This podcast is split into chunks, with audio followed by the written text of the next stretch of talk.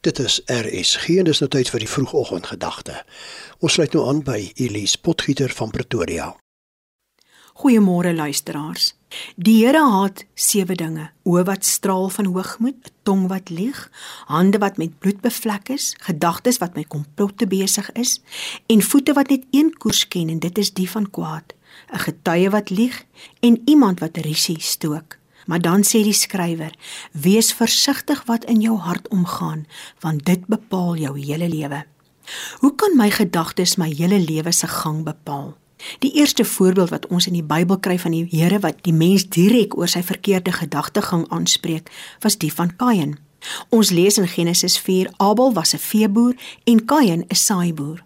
Na verloop van tyd het Abel en Kain van hulle opbrengs van hulle boerderye 'n offer vir die Here gebring.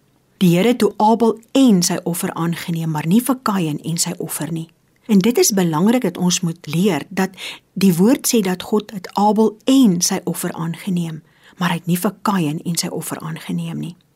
Dit het dus nie net gegaan oor die offers wat hulle gebring het nie, maar ook oor hulle gesindhede en verhouding wat hulle met God gehad het. Daarna het Kain baie kwaad geword en die woord sê hy was bedruk.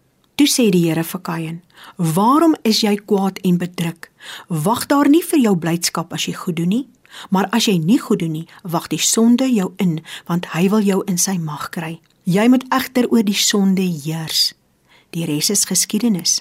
Hebreërs 4 vers 12 lees: Die woord van God is lewend en kragtig. Dit is skerper as enige swaard met twee snykante en dring deur selfs tot die skeiding van siel en gees en van gewrigte en murg. Dit beoordeel die bedoelings en gedagtes van die hart. En dis presies wat met Kain gebeur het.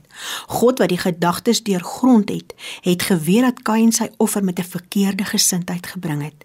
God het geweet wat in sy gedagtes omgegaan het en dit het tot gevolg gehad dat sy offer nie aangeneem was nie. Met ander woorde, hy het geen seën ontvang nie. Ek glo Kain se onvermoë om sy gedagtes op hok te hou het 'n paar duisend jaar later koning Dawid geïnspireer want hy verklaar in Psalm 139 Of ek sit en of ek opstaan, U weet dit. U ken my gedagtes nog voordat hulle by my opkom. So waarop wil God ons Vader hê, moet ons ons gedagtes rig. Tessalonisense lees: Mag die Here julle gedagtes rig op die liefde van God en die volharding van Christus. Julle gees en gedagtes moet nuut word en rig julle gedagtes op die dinge wat daarbo is, nie op die dinge wat op die aarde is nie. Vader in die naam van Jesus Christus, help my om my gedagtes tot U te rig. Amen. Dit was dan Elise Potgieter van Pretoria wat ver oggend se vroegoggendgedagte hier op RSG aangebied het.